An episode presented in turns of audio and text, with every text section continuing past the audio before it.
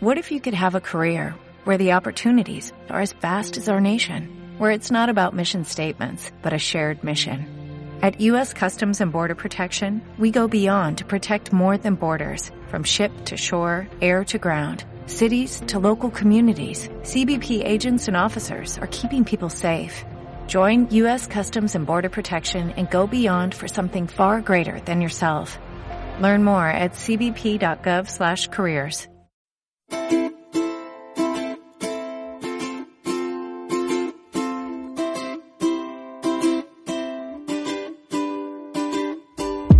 Me encanta tu aroma de mujer. Hola, bon dia. Bon dia. Ja tornem a ser aquí, un dilluns més, tots plegats. Ja ho pots ben dir, Oriol? Bé, avui començarem amb la música. Quin tipus de música escoltarem avui, Hayat? Escoltarem música trap francesa. Cada dia ens sorpreneu més.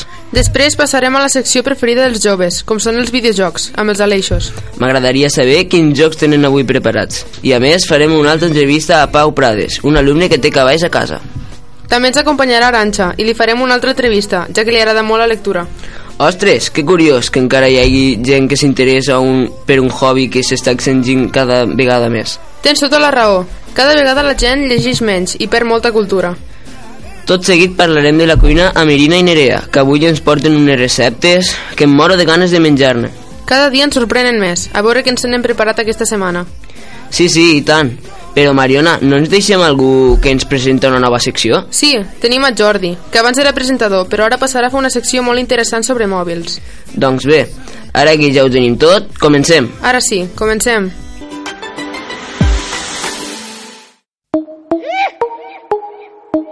Hola, molt bon dia. Avui tornem amb vosaltres un cop més i venim a parlar del trap francès, ja que a la cita i a mi és el tipus de música que més ens agrada, veritat que sí?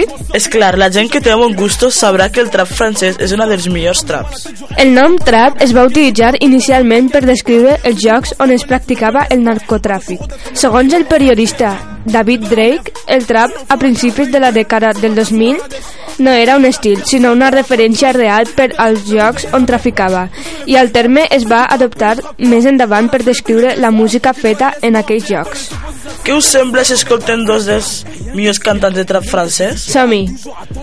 MHD és un jove guineo-senegalès de 21 anys, establet a París. En tan sols uns mesos ha aconseguit convertir-se en tota una sensació al seu país.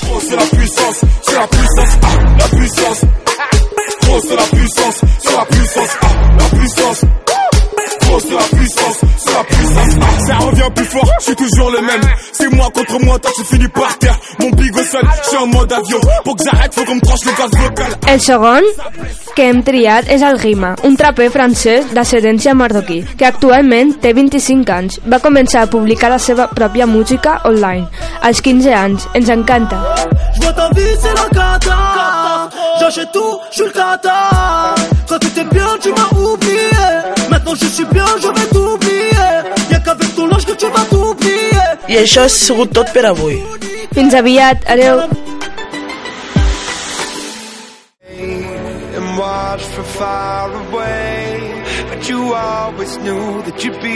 Quines cançons més curioses, oi, Mariona? Sí, a mi m'han agradat molt. Pues quines ganes que tenia de donar-los i pas a la meva secció preferida. Em prefereixo els videojocs que ens presenten els aleixos. En aquest programa parlarem sobre dos jocs interessants i addictius. Es tracta del League of Legends, més conegut pel nom LoL, i el Counter-Strike, també conegut amb el nom CSGO. Som-hi amb el Counter-Strike. El Counter-Strike, també conegut com a CS, és un videojoc d'acció en, primera de, en primera persona per equips, els terroristes i els antiterroristes. Es va concebre originalment com un joc de tipus multijugador, ja sigui en LAN o en línia. Espera, espera. Què significa que el joc es pugui jugar en LAN o en línia? Jugar en LAN significa jugar en una connexió tancada, és a dir, una connexió amb la qual només jugues tu amb els jugadors artificials creats pel joc. En canvi, si juguem en línia, jugues contra jugadors reals no creats pels videojocs. D'on prové el CSGO? Counter-Strike és una modificació completa del joc Half-Life, realitzada per Min Lee i Jess Clive, que va llançar la primera versió el 18 de juny de 1999.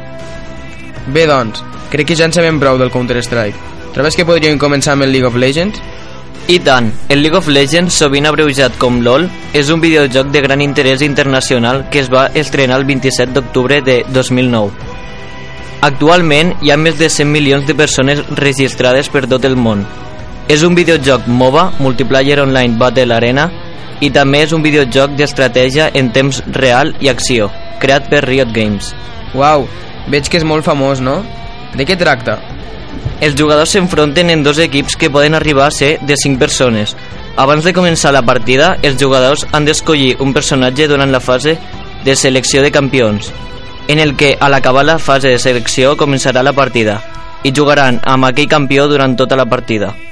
I una vegada dins el mapa, què fan? Els jugadors de cada equip apareixen en la seva respectiva àrea del mapa, dins de la seva base, situades totes dues diametralment oposades.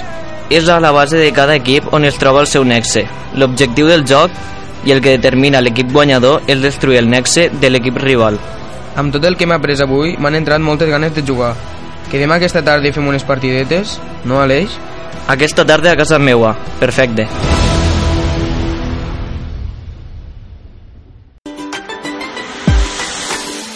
Gràcies, Aleixos. Donem pas a les entrevistes que li faran Anna i Mariona, Aranxa i Pau.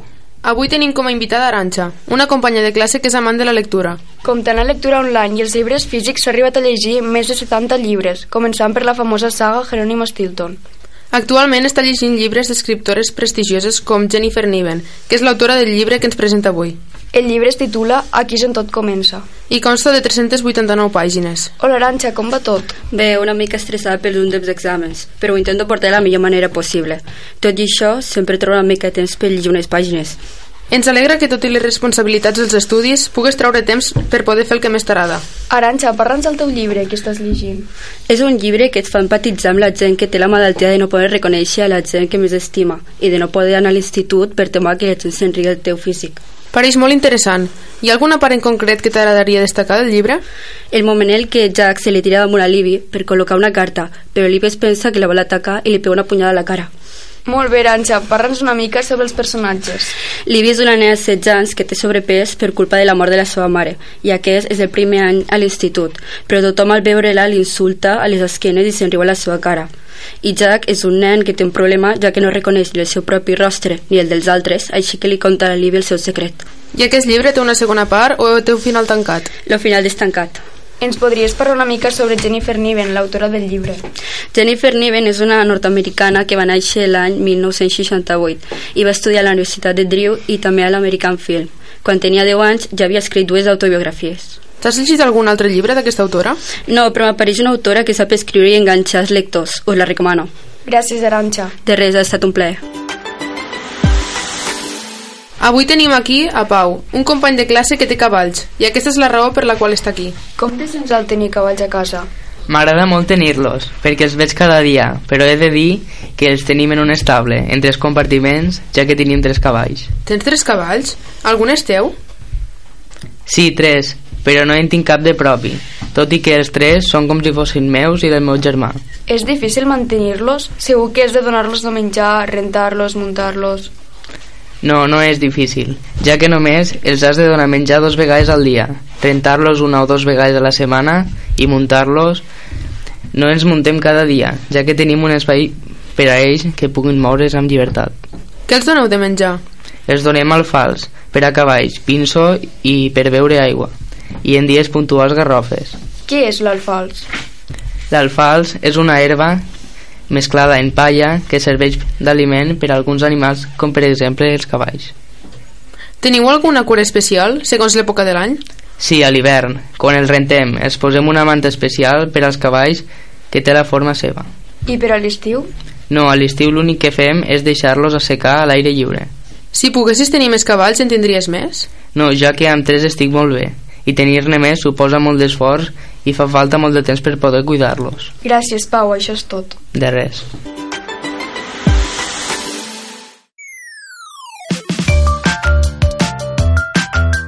Ara donem pas a les nostres cuineres preferides.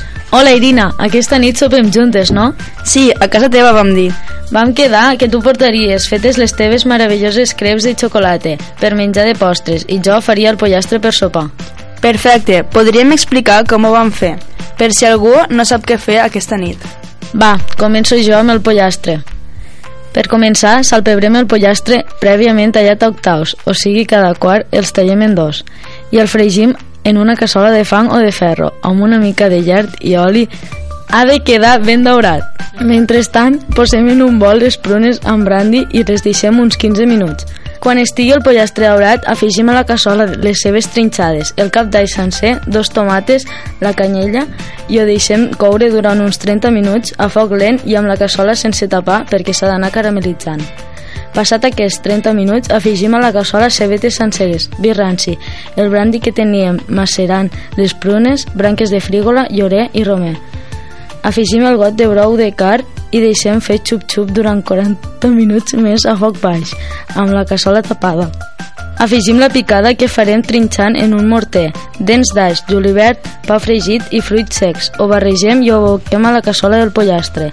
Hem de tenir en compte que la picada ha d'espessir una mica la salseta del pollastre. Posem les prunes, els pinyons i deixem coure durant 15 minuts més. I ja, per acabar, servim el pollastre amb les prunes, unes cebetes i amb una mica del suc del rostit. I això és tot. Ara us deixo amb el postre d'Irina. Per fer l'escret de xocolata necessitarem 125 grams de farina, un got de llet, dos ous, 25 grams de, ma de mantega sense sal, una mica de sal, mantega per a la paella i Nutella. El primer que farem serà agafar un got de batedora i incorporar tots els ingredients. Ho batem tot molt bé, fins que no hi hagi grúmols. En cas que hi hagi algun grúmol, podem posar la massa per un xinès. Com que en aquest cas les farem dolces, podem posar una mica de sucre. Una vegada tenim tots els ingredients ben batuts, al foc posem a escalfar una, una goteta de mantega, perquè no s'enganxin, fins que es fongui. Incorporem una mica de massa i cuinem. Sabrem que li hem de donar la volta quan comencen a sortir unes bombolles al centre de la massa. Aquest serà el moment en què haurem de donar-los la volta. Si fa servir una paella antiadherent, podràs donar la, la volta fàcilment, agafant la crep amb la mà, ja que la manera més fàcil que conec de donar-li la volta i que no s'enfonsi. La fem per l'altre costat, l'omplim de Nutella i ja tindrem, la fe ja tindrem feta la nostra deliciosa crep de Nutella. Esperem que us hagi servit. Bon profit.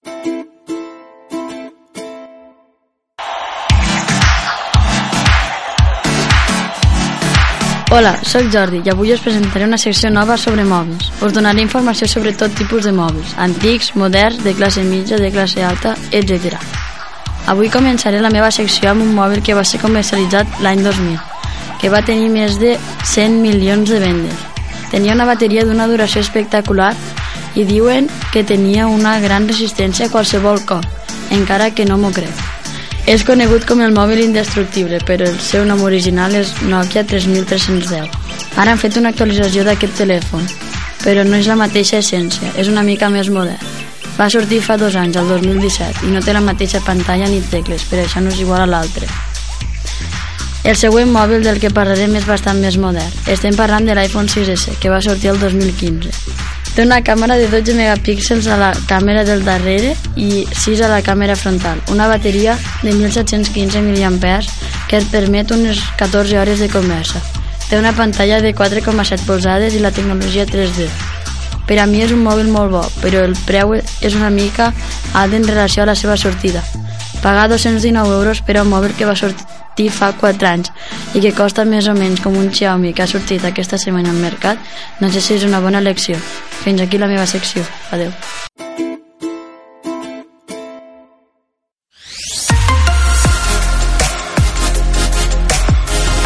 Estem a punt d'acabar el programa. Sí, només ens falta repassar les notícies més destacades del nostre institut. Comencem amb Marc, que ens recorda que ja es pot fer la preinscripció d'ESO a l'institut. Hola, bon dia. El mes passat, els dies 20 i 27 de febrer, a l'institut es van fer els tallers de primària. Van vindre els xiquets i xiquetes de tots els col·legis públics de Tortosa i Campredó per a conèixer l'institut i van fer uns tallers de català, castellà, tecnologia, música, plàstica, socials i naturals. El dia 6 de març també es va fer la jornada de portes obertes als pares i mares que volien matricular els seus fills a l'Institut de fer l'ESO. Tot això perquè la present preinscripció a l'ESO es farà del 29 de març al 9 d'abril. Ara Xaima ens explicarà una sortida que van fer tots els alumnes de tercer d'ESO a l'Hospitalet. El passat 26 de febrer gairebé tots els alumnes de tercer d'ESO van anar a la far Farga de l'Hospitalet per a visitar el Festival de Llumo, el festival més gran de dedicat a la ciència, la tecnologia i l'enginyeria, l'art, el disseny i les matemàtiques per a joves, durant tot el matí van poder exper experimentar ciència i tecnologia en diferents tallers i exposicions de diferents àmbits robòtica, química, biologia, programació, matemàtica, etc. En acabat vam anar a un centre comercial que està, està davant de l'estadi de futbol espanyol. Jo hi vaig anar i m'ho vaig passar molt bé. Ara Jordan ens explicarà com va anar el concurs de matemàtiques que van fer alguns alumnes a principi de curs. Exacte, Mariona. El dia 24 de gener a la tarda, un grup d'alumnes de segon i tercer d'ESO van desplaçar-se al campus Terres de l'Ebre per a participar en la sisena Copa Cangur 2019, que organitza cada any la Societat Catalana de Matemàtiques de l'Institut d'Estudis Catalans. Hi van concursar 15 centres de secundària del territori del nostre institut van participar amb dos equips, un de tercer d'ESO, format per quatre alumnes, i un de segon d'ESO, format per tres alumnes. Estem molt satisfets i contents, perquè un dels nostres equips va quedar tercer classificat i és un motiu d'alegria per al nostre institut. Enhorabona! I què és la Copa Cangur, Jordan? La Copa Cangur consta d'una sèrie de problemes, cada un dels quals tindrà una resposta numèrica concreta, que s'haurà d'expressar amb un nombre natural. En aquest concurs es presenten un total de 12 problemes matemàtiques i de lògica, i els grups tenen una hora per resoldre'n el màxim possible. Les preguntes tenen diferents nivells de dificultat, però no estan ordenades seguint aquest criteri. Els problemes no estan enllaçats i es poden fer tots independentment de resoldre o no els altres.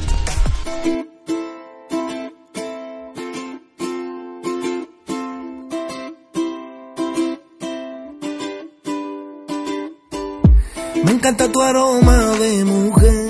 Això és tot. Fins aquí el nostre programa. Tornem d'aquí 15 dies. Adeu. Adeu. Radio Cristòfol,